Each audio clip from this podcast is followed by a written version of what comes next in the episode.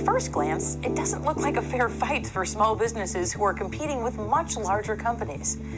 The big corporations of the world seem to have endless resources to force smaller companies into submission.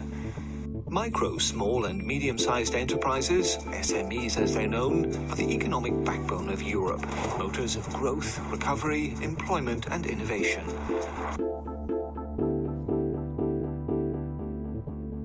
Det finnes mange bærekraftseventyr der ute, Sveinung, og mange av dem er store, noen av dem er mellomstore, og noen av dem er små. Og eh, Det samme gjelder jo bedrifter. Og Det er nettopp eh, den inndelinga her vi eh, skal ta for oss i denne episoden. Og Utgangspunktet her er jo at vi har fått ikke ett, men to relaterte spørsmål fra to ulike lyttere som har sendt e-post til oss på eventyr.krøllalfa.jorgensenpedersen.no. Og disse to spørsmålene de danner grunnlaget for dagens episode. Skal vi lese opp eh, begge to med en gang, eller skal vi ta dem hver for seg? Du, jeg syns vi, eh, vi, skal rett og slett uh, få, la dem få lov til å spille, spille, hverandre gode. De er gode begge spørsmålene, men da blir det enda kraftigere å ta dem sammen. Det første spørsmålet kom jo fra en uh, miljøkonsulent som heter Helen Hartel, som holder til i, uh, i Trøndelag. og hennes spørsmål i en, i en mer utfyllende e-post var hvordan kan vi få små kommuner og små og mellomstore bedrifter med på det grønne skiftet? Så Her ligger jo det nettopp i, i bånn noe av denne, denne skillelinja mellom de relativt sett større og mindre og da liker jeg at vi tar disse her sammen. For Sigurd Salberg Pedersen, som er student og arbeider i mediebransjen, hadde et, eh, et, annet spørsmål som er nærliggende. Altså, Hvordan kan sirkulære og bærekraftige løsninger bidra til å skape livskraftige distrikter og småbyer? Så her har vi begge dimensjoner, altså små kommuner i, begge spørsmålene, og, små og mellomstore bedrifter i det ene. Og, da særlig dette med sirkulære og bærekraftige løsninger i distrikter og småbyer på det andre. Ja, og Der ligger jo det på en måte to ting i, i ett som vi kanskje bare kan adressere med en gang. og, det er jo at det er minst to dimensjoner her. altså Det ene er jo, er jo størrelsen, altså fra, fra stor til liten. Eh, og, og, den andre dimensjonen det er jo den som, som Sigurd sitt spørsmål er inne på, nemlig litt, kall det sentrum-periferi. altså Med det eh, mener jeg at her er noen typer forretningsmodeller som kanskje er bedre egnet i mer kall det tettbygde strøk i, i, i urbane settinger. og mange Eh, ta for deg delingsøkonomien, f.eks., som, som eh, finnes overalt, men, men, som det selvsagt er lettere å få opp en, eh, en masse av, eh, av, transaksjoner og interaksjoner i f.eks. en delingsøkonomisk modell. Så, så her er jo egentlig to litt grann to dimensjoner i, i ett her, for, men du har selvfølgelig eh, ikke minst små bedrifter både i, eh, i relativt sett mer urbane og relativt sett uh, mer rurale strøk. Men vi kommer vel til å komme inn på begge deler. Og Så er det jo en skillelinje til her, Sveinung, som du er inne på.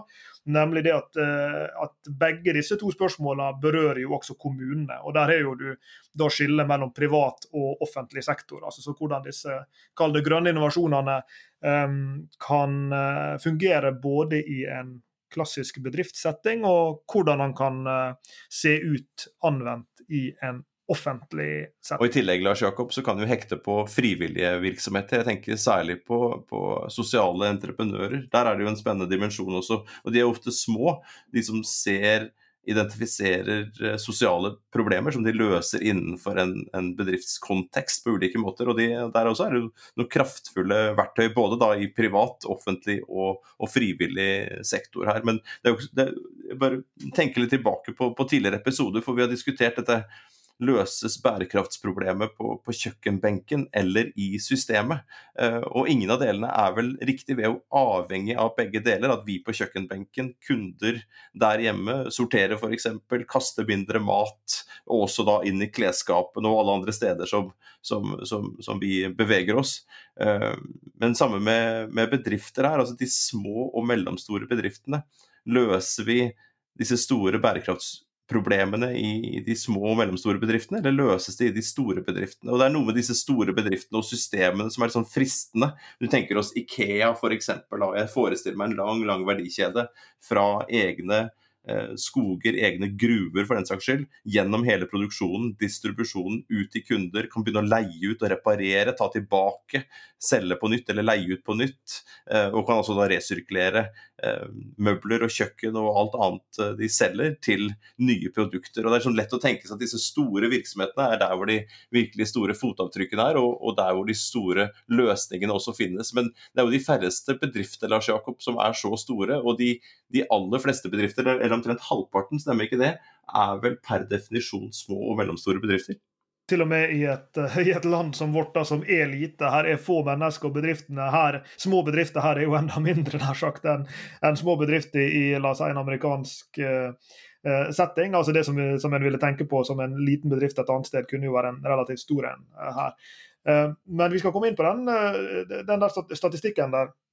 Eh, for, for, den kan være grei som, eh, som et lite eh, bakteppe. Og, og, det er vel i, sånn ifølge NHO nå at eh, de små og mellomstore bedriftene utgjør mer enn 99% av alle bedrifter i Norge. Og det er 47% av de ansatte i privat sektor som arbeider i små og mellomstore bedrifter. Eh, og, de står samla for omtrent eh, halvparten av den årlige verdiskapinga i landet. Og, og, så kunne vi jo lagt til, da, hvis vi hadde hatt det for hånden, ja, hvor stor del da av fotavtrykket eh, i samfunnsmessig og miljømessig forstand er det som stammer fra disse bedriftene. Og nå vet vi at Det er ikke nødvendigvis et én-til-én-forhold der. Eh, det er jo f.eks. slik at noen typer bransjer noen typer bedrifter har et disproporsjonalt uh, høyt fotavtrykk. Der er vel en studie blant annet som viser den enorme andelen av det globale CO2-utslippet som stammer utelukkende fra de store sementproduserende bedriftene i verden. Så, det er jo ikke slik at krone for krone kan du matche med, med fotavtrykk, men, men, i alle fall så forteller jo denne Kall det andelen av den totale verdiskapinga som kommer fra de små og mellomstore bedriftene, at de er betydningsfulle. Men så får vi da dette problemet som du var inne på i stad. Det er ikke da nødvendigvis slik at det er like lett for en liten bedrift, enten det er i en stor by eller, eh, eller eh, en, i en liten bygd, å gjøre noe med fotavtrykket sitt på den måten som f.eks. Ikea kan gjøre med x antall uh, hundrevis, tusenvis butikker rundt omkring som kan implementere de det grønne forbedringene som, som, de ønsker å iverksette, og så ser du at det monner. Og så ser du kanskje også at det lar seg omsette i mer lønnsom drift. Og Dette er jo noe av grunnen så, så, vi starta jo med et lite handikap jeg og du i episoden, Sveinung, fordi at vi har jo argumentert for at vi trenger de store industrielle, skalerbare løsningene for å gjøre bærekraft lønnsomt. Og da er det jo veldig betimelig at vi får dette spørsmålet. Ja, men hva med alle de små? Hva med de som hver for seg kanskje føler at det ikke monner, kanskje føler at det koster mer enn det smaker, og som kanskje heller ikke ser at verden nødvendig blir, nødvendigvis blir et så veldig mye bedre sted av at de kildesorterer litt bedre, begynner å bruke porselenskopper istedenfor pappkopper på, på verkstedet sitt, eller eh, hva det nå enn måtte være eh, slags forbedringer de gjør. Men vil ikke det være slik Sveinung, at hvis vi klarer å få alle disse små virksomhetene til å trekke i samme retning, så vil det komme til å monne på fotavtrykket. For akkurat som på kjøkkenbenken, da, for å bruke det bildet, så gjør jo da summen av alle disse små, såkalte små og mellomstore bedriftene Summen der fotavtrykket er jo veldig stort når det, når det står for halvparten av den årlige verdiskapingen i Norge. Eh, omtrent 700 milliarder kroner, hvis, eh, hvis, jeg forstår NHO sine tall eh, riktig. Eh, Til sammen så er de store innkjøpere. Til sammen så er det en stor eh, eh, andel av den, den lineære verdikjeden, da, for, å, for, å, for, å, snakke det språket, hvor disse bedriftene inngår som leverandører og som, som kunder. Det produseres eh, deler, det distribueres eh, produkter, det selges. Altså, de er jo en del av denne store helheten. Og, og hvis halvparten av verdiskapingen. Hvis de da opplever per i dag at nei, det de gjør er ikke så veldig viktig, eh, så er jo summen av det de gjør, eh, av reisingen, av CO2-utslippet, av vannforbruket, av alle, alle disse tingene, og, og, hvordan de behandler sine ansatte. Summen der er jo, er jo enorm, enormt høy. Eh, og den andre siden av det, da, da, da ligger jo noen muligheter der også. Og vi angriper dette på flere måter, Lars Jakob, og vi, vi sier ofte at at jo, én ting er jo å rydde i eget bo og gjøre ting på smartere måter som, har, som, som, skaper mindre fotavtrykk i den enkelte bedrift. og Det er viktig. Mens den andre dimensjonen der, det er også å se ulike typer bærekraftsproblemer som disse bedriftene kan løse. Og Her ligger jo et verdiskapingspotensial, da, hvis man kan identifisere eh, problemer eh, der ute som andre små og mellomstore bedrifter har, eller store virksomheter har, og, og muligheten til å løse det. Og så sitter jo disse små bedriftene med eierne sine og kundene sine, og de må forholde seg til noen reguleringer, og de har noen ansatte. De ønsker å være en, en god nabo, en hjørnestein i, i, i lokalsamfunnene sine. Og så sitter de kanskje og lurer litt på ja, men bryr egentlig våre eiere seg om det? Er de reguleringene som lages? Vi har jo snakket mye om rapportering og EUs taksonomi og sånn i, i tidligere episoder av Jakob. men føler de nødvendigvis at, liksom, at de eierne og reguleringene, at, at, kundene, de ansatte og andre interessenter virkelig bryr seg. Jeg skjønner veldig godt eh, spørsmålet i så fall. Ja, og så kommer det der jo inn en, en pisk, da. Eh, parallelt med det her. For som du sa, du kan også som liten bedrift bli eh, nær sagt eh, ikke frista til, men du kan, du kan, føle at det er hensiktsmessig å gå i en grønnere retning dersom du ser, som du sa, at kundene etterspør det, eller at eierne krever det, eller hva det måtte være. Eh, så ser vi jo at eh, du, du nevnte EU sin taksonomi, og, og, her er jo ikke bare internasjonal, men også nasjonal um, regulering som går i retning av at også de mindre bedriftene, også små og mellomstore bedrifter, vil måtte rapportere mer presist og mer omfattende på sine fotavtrykk gjennom, gjennom bærekraftsrapportering. Og så agiteres jo det antageligvis fornuftig for at den Eh, rapporteringa må være um, forenkla. Altså at en kan ikke nedlesse disse selskapene med, med, den typen rapportering som du forventer av et Equinor eller et Yara f.eks. Uh, så det vil komme en eller annen sånn tilpassa form. Og det er klart at det kommer ikke uten grunn. Det kommer jo nettopp fordi at vi vet at banker etterspør dette her. At banker, uh, som vi, som vi snakka med Tina Saltvedt om i, i, en tidligere episode, begynner å justere uh, rente på bedriftslån som en konsekvens av det de ser som fotavtrykkene til de prosjektene de skal finansiere, f.eks. Eh, så, så dermed så er det jo noen sånne ja, Enten du velger å se på det som en gulrot eller en pisk, da, eller en kombinasjon av de to, så er her noen slike utviklingstrekk som til og med de små virksomhetene blir nødt til å forholde seg til.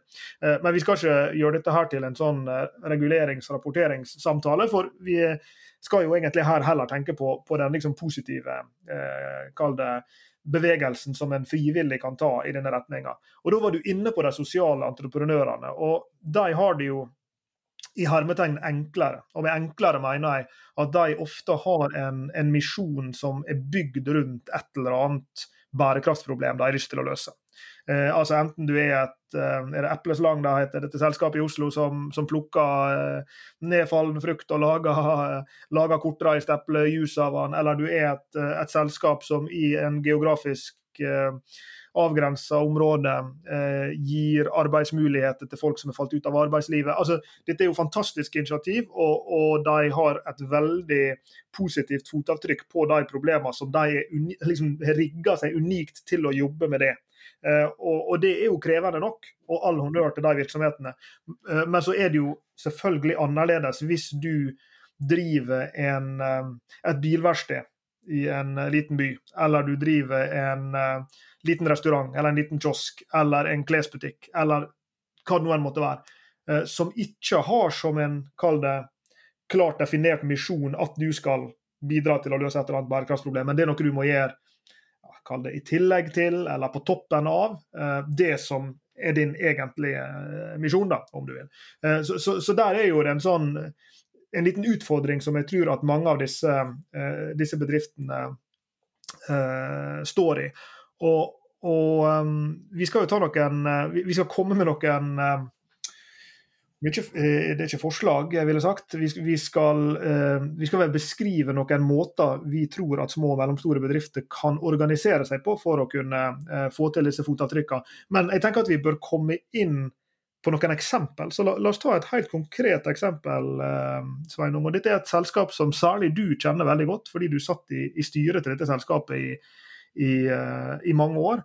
og, og, jeg har også fått lov til å være med og bli kjent med dette selskapet gjennom eh, ulike prosesser, bl.a. når vi skulle sitte i et slags rådgivende team som skulle jobbe med å kartlegge fotavtrykket der. Altså, det er jo bare et første, eh, første skritt. Og selskapet som jeg snakka om, de heter Bright Products og holder til i Oslo.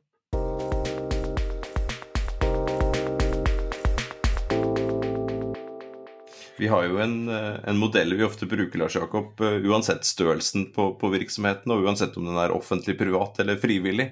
Og Den går i fire faser, og den første fasen der er jo en erkjennelsesfase.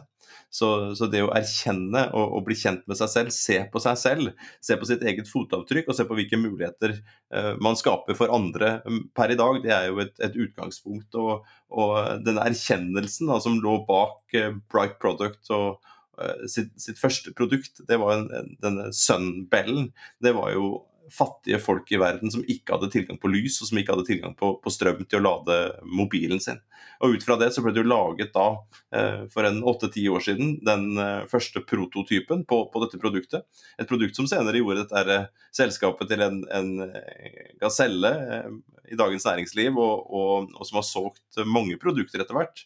Men, med, men eh, jeg vet ikke om den faller unnenfor definisjonen Eller jeg tror aldri den falt ut av definisjonen små og mellomstore bedrifter, men hadde høy omsetning um, og løste problemet for veldig veldig mange, mange, mennesker. Og Det var i form av en, en, en, en lanterne, solcelledrevet lanterne og mobillader. Um, som har et avtagbar sånn, sånn lykt som man kan uh, ha ha rundt, rundt halsen f.eks., så man kan melke kua, eller, eller, bevege seg trygt på toalettet, eller, eller for den saks skyld ta imot uh, Eh, et barn som, som, som, jordmor i en mørk eh, trehytte. Eh, og det Produktet etter hvert ble jo solgt da til Eh, gjennom FN til eh, flyktningleirer i, i, hele verden. Jeg tror de har solgt en 2-2,5 millioner eh, sånne lamper, både i det markedet, men også eh, i friluftsmarkedet for andre. Og Dette er en liten bedrift. Og som du sa, den erkjennelsesfasen etter at man hadde startet, da, for å se på sitt eget fotavtrykk. og Da dro man jo ned til eh, bedriftene der hvor den ble produsert i, i, Asia, og begynte å gå gjennom verdikjeden eh, steg for steg. Og også helt fram til flyktningleirene. og så, ja, hva skjedde med batterier? Eh, ble det i det hele tatt eh, reparert eh, i etterkant? Og hvordan kunne man lage en mer sirkulær prosess rundt det? Jeg vet at de nå driver og jobber med en, en sånn EU Horizon 2020-søknad nettopp på denne sirkulære dimensjonen, men da er vi lenger i den innovasjonsfasen, som begynner med den erkjennelsesfasen. og Der fikk de hjelp av et, en engelsk stiftelse som, som, gikk inn i dette sammen med dem. Og den stiftelsen som heter Future Fit, og er drevet av en fyr som heter Jeff Kendal. Eh, de eh, fikk vi jo jobbe sammen med her, og, noe av det som de gjorde, var jo å kartlegge ja, er denne forretningsmodellen til dette selskapet FutureFit, altså med andre ord, er det fotavtrykket som dette selskapet har, lite som det enn er, er det forenlig med en kall det fremtidig bærekraftig drift. Og, og, Det var jo ganske oppsiktsvekkende å se hvor utrolig mange ting som kom opp gjennom en sånn eh, kartlegging. Og Det vil jo være sant for veldig mange små bedrifter. fordi at Hvis du drar og besøker Bright i, i Oslo og åpner kontorene, eh, så de, de, holder ikke til i en, eh, en skyskraper med 25 000 mennesker, for å si det sånn. Det, det, er små kontor, det er få mennesker, det er en geografisk begrensa type operasjon. Selv om de selvsagt har folk som jobber for seg ute i, i verden, så, så, er jo det lite. Men hvis du følger Du nevnte innkjøp i stad, så kanskje er en av de viktigste for småbedrifter. Hvor kjøper du inn fra? Hvordan kjøper du inn? Med, etter hvilke standarder osv. Eh, og, og, og der eh, kan vi jo bare i forbifarten da nevne disse scope 1, 2 og 3, som det er mye snakk om eh, når en skal kartlegge et, et fotavtrykk, med særlig hensyn til, til, klimagasser, denne såkalte greenhouse gas protocol. Da er jo scope 1 det er jo liksom, ja, hva er det som foregår der på, på kontoret, nær sagt, med den virksomheten som er liksom under virksomheten sin egen kontroll. Bilene du kjører, energien i bygget, eh, ting du, du, du bruker eh, nær sagt i daglig drift i virksomheten. Men så er jo da scope 2 og scope 3 det er jo da de indirekte utslippene som kommer fra nær sagt elektrisiteten du kjøper, som er i scope 2, energi, og også alle andre indirekte utslipp som kommer fra fra ting som er utenfor kontrollen til virksomheten. Altså at du kjøper, eh, du kjøper tjenester, du reiser, du kjøper produkt fra andre, eh, andre tilbydere som, som, du bruker osv. Og, og, og veldig ofte for en liten bedrift så er jo det nettopp på scope 2 og scope 3 at de virkelige fotavtrykkene skjer. Hvem kjøper du fra? Basert på hvilke kriterier? Hvor mye reiser du? Osv. Det er jo interessant da, litt uh, tilbakeblikk på, på, Bright her. Denne erkjennelsen og, og uh, hvor man da henter inn hjelp uh, eksternt og går gjennom hele verdikjeden. Uh, at vi snakker om lys og skygge, Lars Jakob. Dette er jo et, et, et selskap som kaster mye lys. De, de lager jo lamper som er drevet av sol energi, hvor alternativet er parafin. Eh, som brennes ofte i små, små eh, telt og hytter og sånne ting. Eh, så her er det jo i utgangspunktet et, et produkt som i seg selv kaster lys, bokstavelig talt, men også som metafor, ved at den hjelper folk til å kunne gjøre lekser, ha bedriften sin oppe, lenger oppe, man kan være tryggere i, i ulike typer situasjoner. Man skaper arbeidsplasser um, osv. Så, videre. så det er jo solsiden her. Og så har også en sånn type virksomhet en, en skyggeside. Hvor er det det produseres, under hvilke forhold? brukes plasten som, som, lages her, er den resirkulert, resirkulert eller, eller ei? Eh, hvordan er vilkårene i hele verdikjeden, fra produksjon til distribusjon eh, til eh, flyktningleirene, for å nevne det markedet. Og så En erkjennelse av den situasjonen da, det er jo helt avgjørende her. og Så kan, kan man neste, neste, fase, og det gjelder jo uansett om man er små, liten eller stor, eller om man driver en frivillig virksomhet eller en privat eller offentlig, det er å utforske nye muligheter. Så når man først har gjort et, et regnskap internt på Scope 1, 2 og 3, sett liksom hvor er fotavtrykket vårt, uh, hva er det vi bør gjøre noe med, hva er det vi kanskje har et ansvar for å gjøre noe med, og hvordan er det vi kan kaste enda mer uh, lys da, ut av denne virksomheten. Skape flere arbeidsplasser, skape kanskje arbeidsplasser for Brights tilfelle nærmere de markedene eller de, de flyktningleirene der hvor man opererer. Ergo denne EU-søknaden som nå med, med, ulike typer partnere for å se på sirkulære løsninger rundt dette selskapet. Det har vært spennende en gang å ha invitert Marius Andresen, uh, gründer og nå daglig leder, til å, til å, snakke litt om den søknaden og hvordan de jobber. For, for det er jo et utgangspunkt da, i den analysen som du sier, med Future Fit, og se ok, er det, hvordan er det vi kan gå og redusere fotavtrykket vårt, og hvordan vi kan kaste mer lys her. Kan vi reparere? Kan vi ta tilbake deler og gjenbruke dette her? Hva med produksjonen? Hvordan, hva slags nye produkter kan vi utvikle? Eh, og ikke bare det, men også hva slags nye forretningsmodeller. For én ting er å da selge produkter via FN til flyktningleirene, men går det an å bygge opp eh, entreprenører i, i utviklingsland, da, hvor de man får selgere med kunnskap som kan tjene penger på dette. Går det an å samarbeide med, med, med, ulike typer store bedrifter som trenger å komme seg inn på disse markedene? Eh, er det mulig å få finansiert dette på nye måter? Altså, hvordan er det man kan gå videre ut fra det? Og Det er jo felles enten man driver med en, en, en lite, lite, selskap som produserer uh, solcellelamper, eller om du er et bilverksted som, som reparerer biler. Ja, og Der tror jeg jo nettopp at det sitter sikkert lyttere nå som driver selskap som er mindre enn Bright, og som føler seg mer kall det, begrensa enn det som kanskje Bright var i en sånn vekstfase som det her.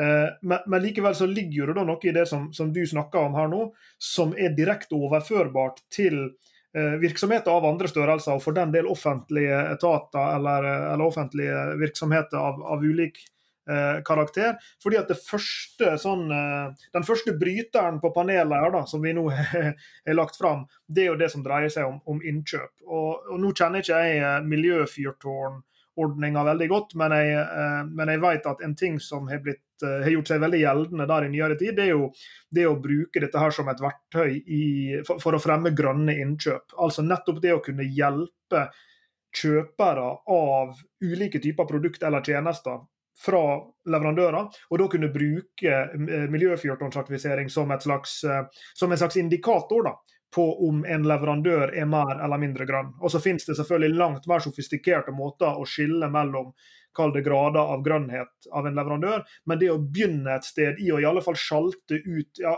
hva er leverandørene jeg ikke burde kjøpe fra. Og Dette var jo noe av det som kom ut av denne prosessen til, til Bright. Det dreide seg jo bl.a. om ja, hvor burde de kjøpe elektronikken fra til disse lampene. Hvor burde de få plasten fra? Kunne plasten være eh, resirkulert? Kunne plasten være resirkulerbar?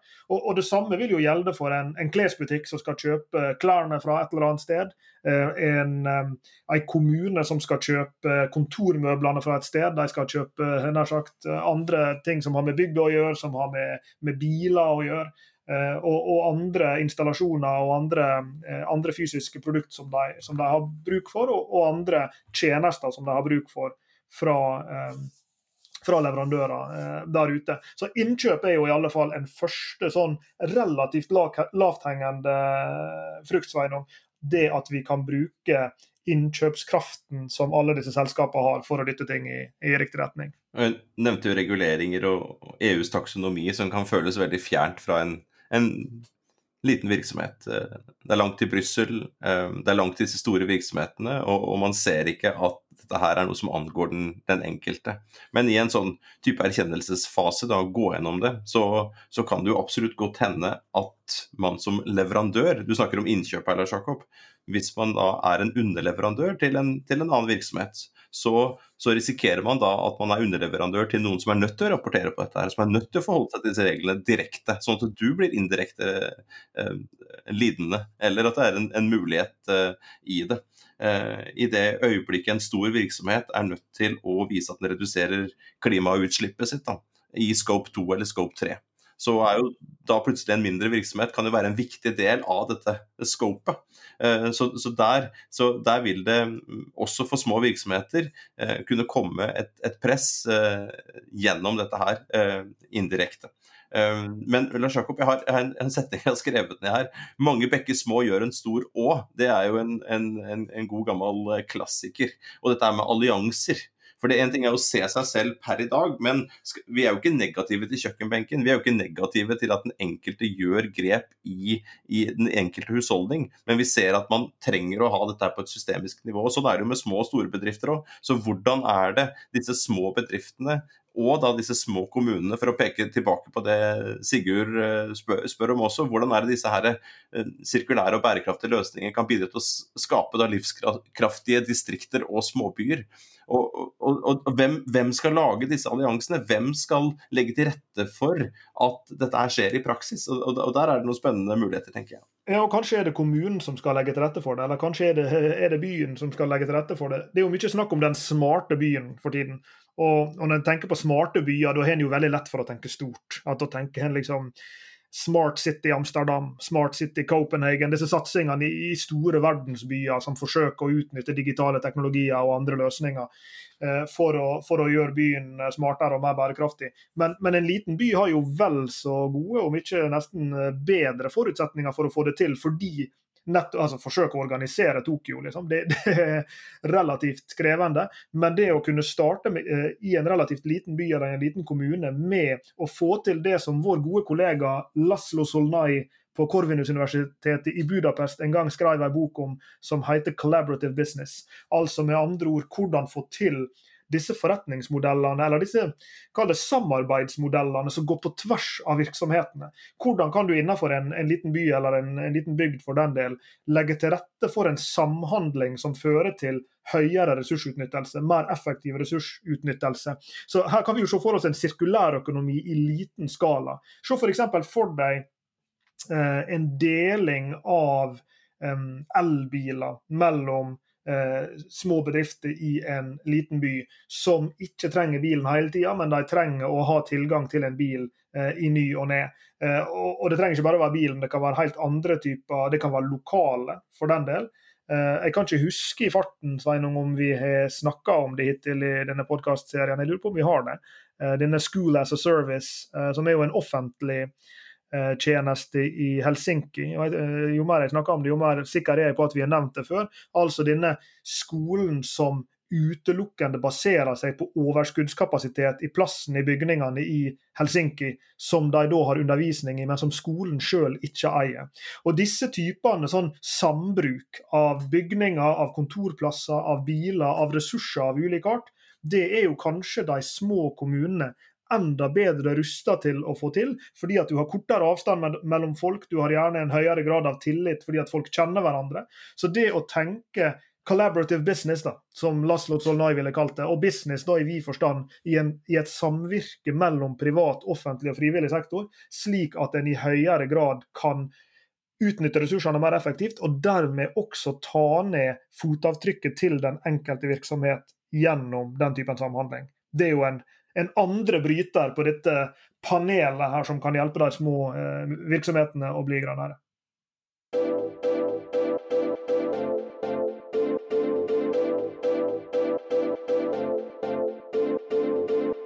Vi har jo et uh, forskningsprosjekt som heter SustainX, Lars Jakob. Det slo meg nå at vi har jo en, en kollega der på Høgskolen Innlandet som heter Gunhild Vedum. Og hun jobber opp mot en virksomhet her i Lillehammer og Gudbrandsdalen som heter Skoppo, hvis jeg klarer å uttale det riktig. Eh, det er et dialektuttrykk fra, fra Dalen, så det burde jeg absolutt kunne klart. Men det betyr å skape, bringe i stand, frambringe, skape noe nytt. Og det er da en, Dette er jo eid, så vidt jeg vet, av kommunene i, i Dalen. Og det er jo nettopp da en, en, en utgangspunkt, en idé på, på all type innovasjon, på tvers av mindre, eh, mindre virksomheter i mindre byer, for det må man kunne kalle Lillehammer og, og omegn. Men de har noe som, har et, noe som heter krafttak for grønn vekst. Og Der er det Gunhild har blitt eh, engasjert. Og det er nett der er, de, der er de, det er jo en sammenslutning det er for å lage denne type allianser. Både å identifisere problemer, identifisere løsninger, identifisere ulike typer allianser. Så, så litt på det både Helene og Sigurd eh, spør om her. altså Hvordan kan disse små byene og små virksomheter jobbe sammen?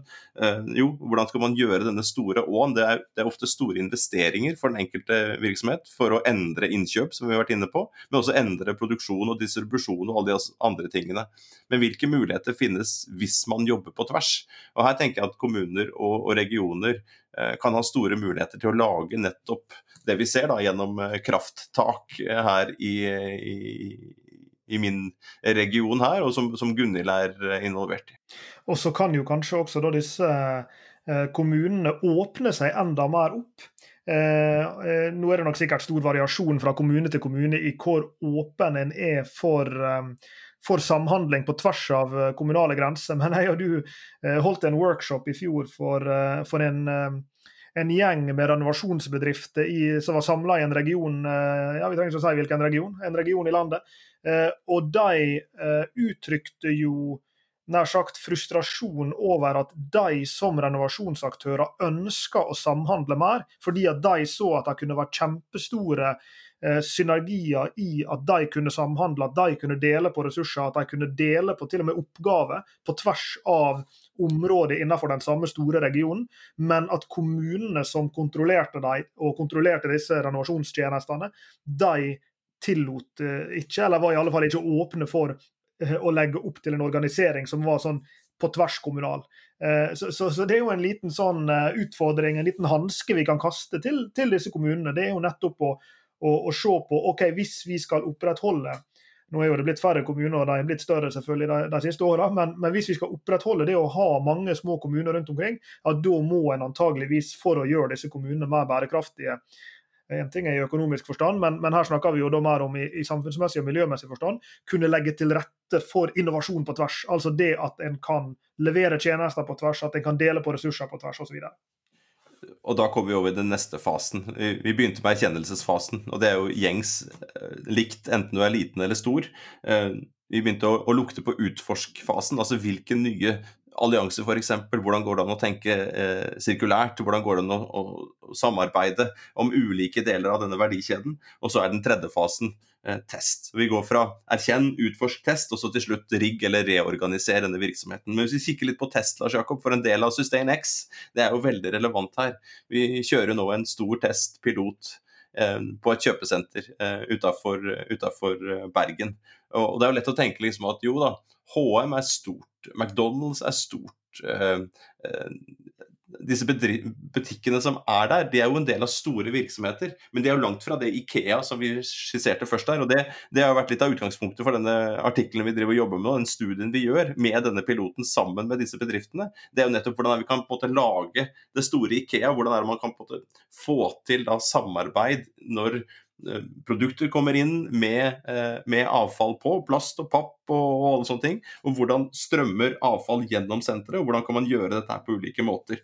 Eh, og det er jo et sånn et, et konkret test innovasjonseksempel på hvordan man kan rigge da et samarbeid mellom ulike virksomheter som er en del av store virksomheter, men, men, akkurat der og da blir det jo små, små virksomheter, og hvordan dette, dette, her kan gjøres i praksis. Ja, det er jo som du sier, På et kjøpesenter så, så har du McDonald's og du har Hennes og Maurits, men du har gjerne også en, en frisør som i mange tilfeller ikke engang er tilknyttet en kjede, og kanskje har tre-fire ansatte. Du, du, har små uh, bakeri. altså så du har jo innenfor, eller Under taket til et, uh, til et kjøpesenter har jo du også mange virkelig små virksomheter som, som er der Eh, vegg i vegg med, med de store.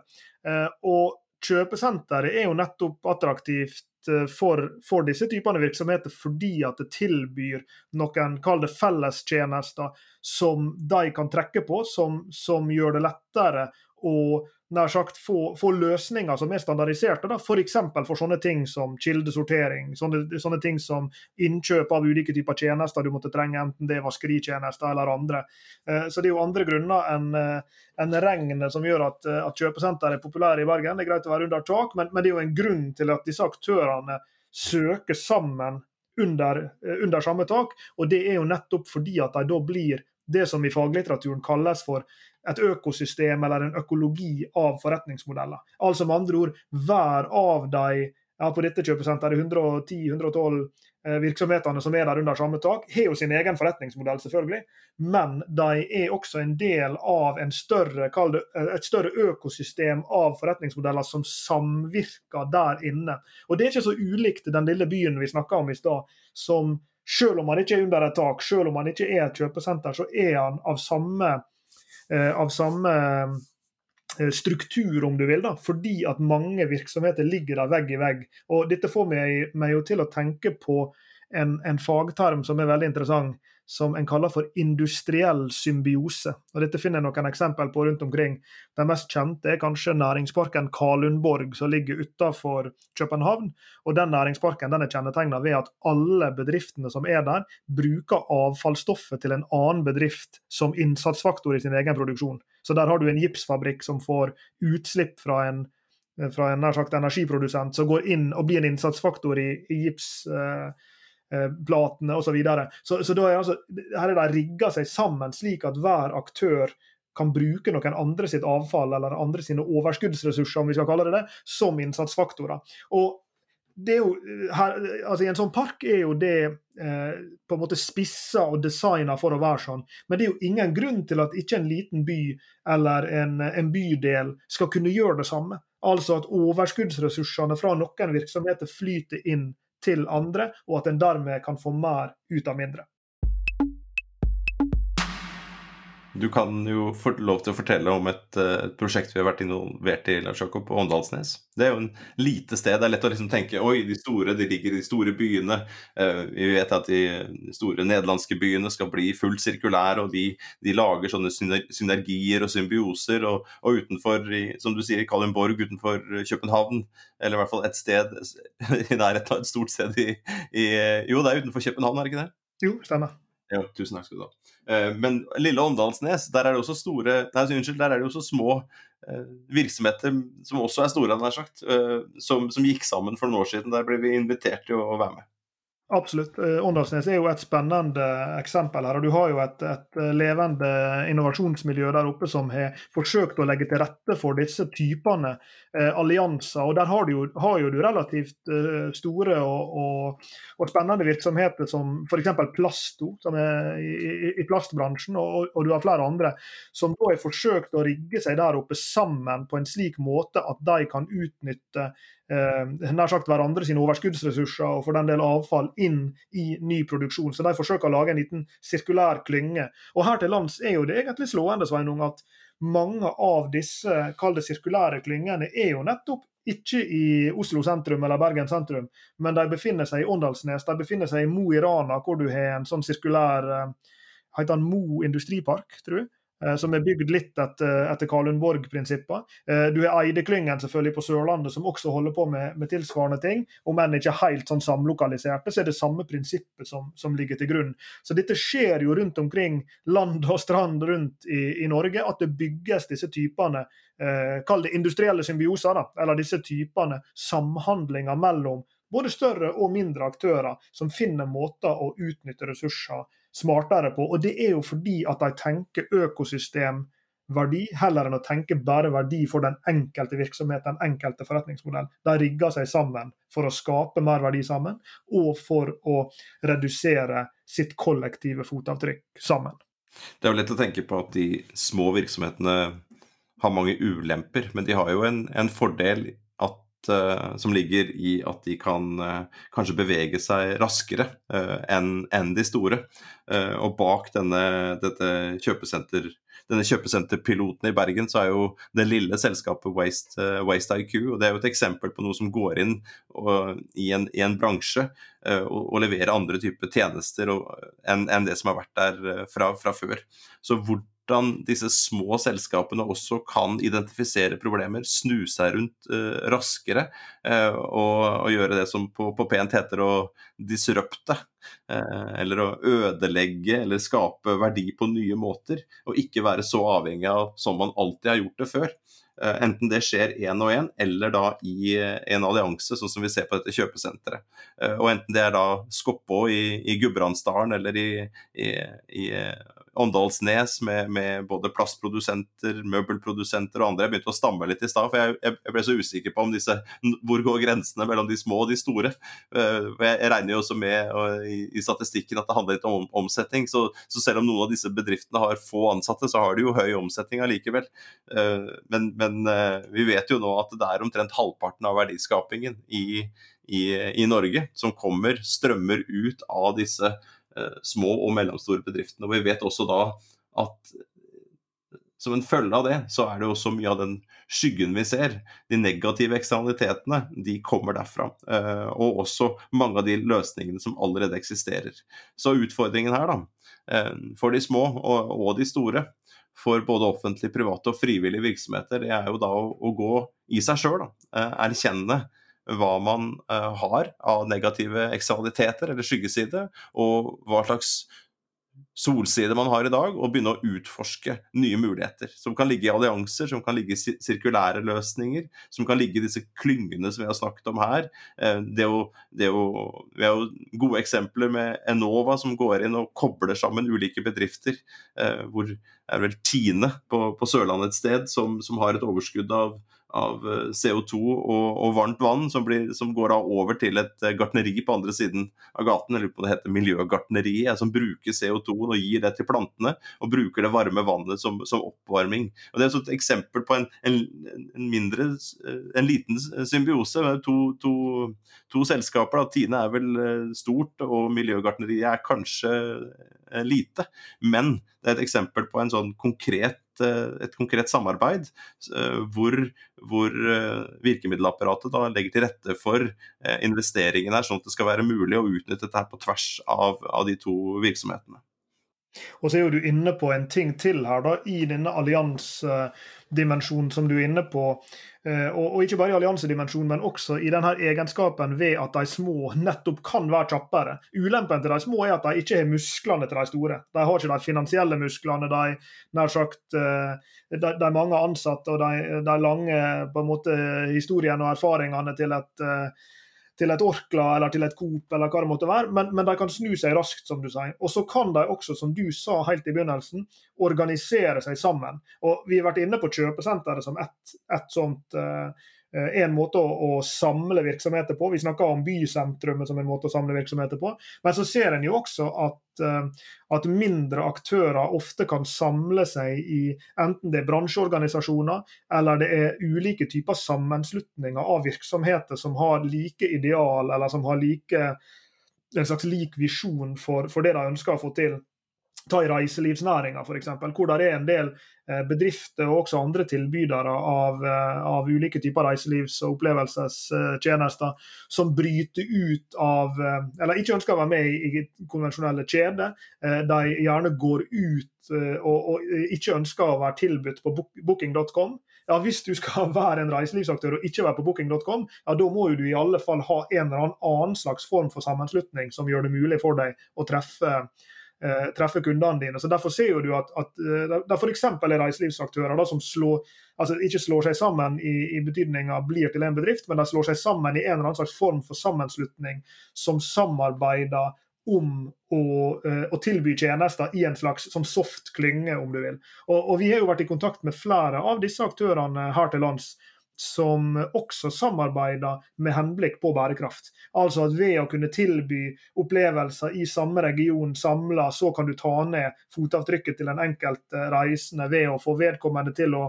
bli igjen i regionen et par dager til, heller enn å fly videre til Stockholm, eller hva det måtte være. Så, så disse typene sammenslutninger du, du har der, de, de, er jo også eh, viktige for å kunne gjøre mange bekker små om til en eh, stor å, som du vel eh, formulerte det som du formulerte det i stad. Og så er det enda en ting til eh, Sveinung, som, som, jeg har lyst til å nevne. Og kanskje blir det omtrent eh, der vi, vi, lander, for jeg har lyst til å utfordre deg til å kommentere på dette. Noe av det som vi ser i dag, det er jo at noen av disse veldig foroverlente, grønne, enten det er sosiale entreprenører eller det bare er konvensjonelle startups, det kan være en zero waste-butikk som tilbyr matprodukt og, og såpeprodukt i, på, på nær sagt påfyllbeholdere der du tar med din egen emballasje. Eller det kan være eh, små økologiske eller veganske kafeer. Eller det kan være eh, delingsplattformer for et eller annet. Men poenget mitt er mange av disse veldig veldig små og ofte nye, ferske virksomhetene de ender jo opp med å inspirere de store tradisjonelle industrielle aktørene til å adoptere disse typene grønne, grønnere praksiser. Og Dermed så kan jo et viktig fotavtrykk som de små har, det er jo nettopp å påvirke de store til å endre sin praksis. Vi har jo sjøl jobba sammen med store aktører i retail, store aktører i, vare, i um, uh, consumer goods på godt norsk, uh, altså i, i produksjon av, av konsumentvarer, som eksplisitt lar seg inspirere av små zero waste-butikker og, og, produsenter av økologiske produkter og, og tilsvarende. Eh, så, så, her er jo en, en, påvirkningsmulighet også for de små her, ved å sette på et vis den nye standarden som kan være med på å flytte de større aktørene i en grønnere retning. Kommentaren der, da, hvis jeg skal kommentere det, det går jo på innovasjon. Og det er jo det vi har snakket om hele veien her. Eh, innovasjon gjelder om du er liten eller stor, om du er en stor kommune eller liten, liten kommune. Eh, det er ikke nødvendigvis en løsning å gjøre som man alltid har gjort. Altså sånn, Verken om du er liten eller stor. Eh, men hvordan få til disse innovasjonene, hvordan samarbeide på tvers, hvordan utfordre eh, de store som har, som har, gjort ting på en annen måte. Du nevnte det med Zero Waste og disse Zero Waste ikke-avfallsbutikkene. Det er jo en inspirasjon som går derfra til de store kjøpesentrene, den store piloten vi er på nå. Det er jo det som er inspirasjonen når vi jobber med Orkla og, og, og Bård på påfyllsløsninger. Så kommer jo de fra de små. Eh, så, så hvordan eh, inspirere, hvordan endre og hvordan vokse. Altså hvordan, hvordan få til det Per Espen Stoknes ville kalt en grønn vekst. Da. En vekst som er, som, er, som er, positiv i den forstand at den reduserer Eh, det negative fotavtrykket, samtidig som det er en økonomisk eh, vekst der. Så det er litt morsomt da, Lars Jakob, helt, eh, helt avslutningsvis. Når vi dro oppover til, til Bodø på vårt første kurs i kretsløpsøkonomi, så lurer jeg på om en av bøkene på pensumlista het 'Small is beautiful'. En ja, ja. Så, det, så det, og, og ideen var Der var jo det nære. At vi måtte begynne å produsere mer eh, lokalt. Eh, at vi måtte eh, tenke i mindre enheter. Og så er det noen paradokser da, som vi har diskutert i dag. og det er jo ja, disse små, hvordan få kraft i det? Hvordan få innkjøpskraften, gjennomføringskraften? Eh, hvordan hente kapital til disse investeringene? Eh, hvordan løse ting som ikke bare skjer i det små, men som må skje mellom små og, og store. Og jeg tror kanskje den Eh, viktigste sånn eh, eh, læringa fra diskusjonen, og som jeg håper lytterne tar med seg videre, er jo denne alliansetanken. Vi har jo ikke i disse elleve episodene vi nå har, Lars Jakob, så har vi ikke nevnt restart-rammeverket fra Restart, hvis jeg ikke tar helt feil. Kanskje du har vært inne på det én gang. Det er en bok, en bok vi har skrevet om design, men der hvor A-en i Restart, dette akronymet, er allianser. Altså hvordan kan man gå sammen? Liten og stor, kunder, og, og, og, virksomheter, kommuner sammen med bedrifter, for å skape ulike typer allianser. og Det har vært gjennomgående sammen med innovasjon i dag, og så får vi komme tilbake til Restart en annen gang. Men det vi har nevnt fra denne engelske versjonen av Restart-boka, er jo denne innovasjonsmodellen fra erkjennelsen til å utforske, til å teste. Teste i smått og stort, og det å rigge seg og reorganisere seg eh, for, eh, for, det nye. Og, og, det er i hvert fall eh, helt det samme. Altså Uavhengig av hva slags type virksomhet man er en del av, så, så kreves det innovasjon.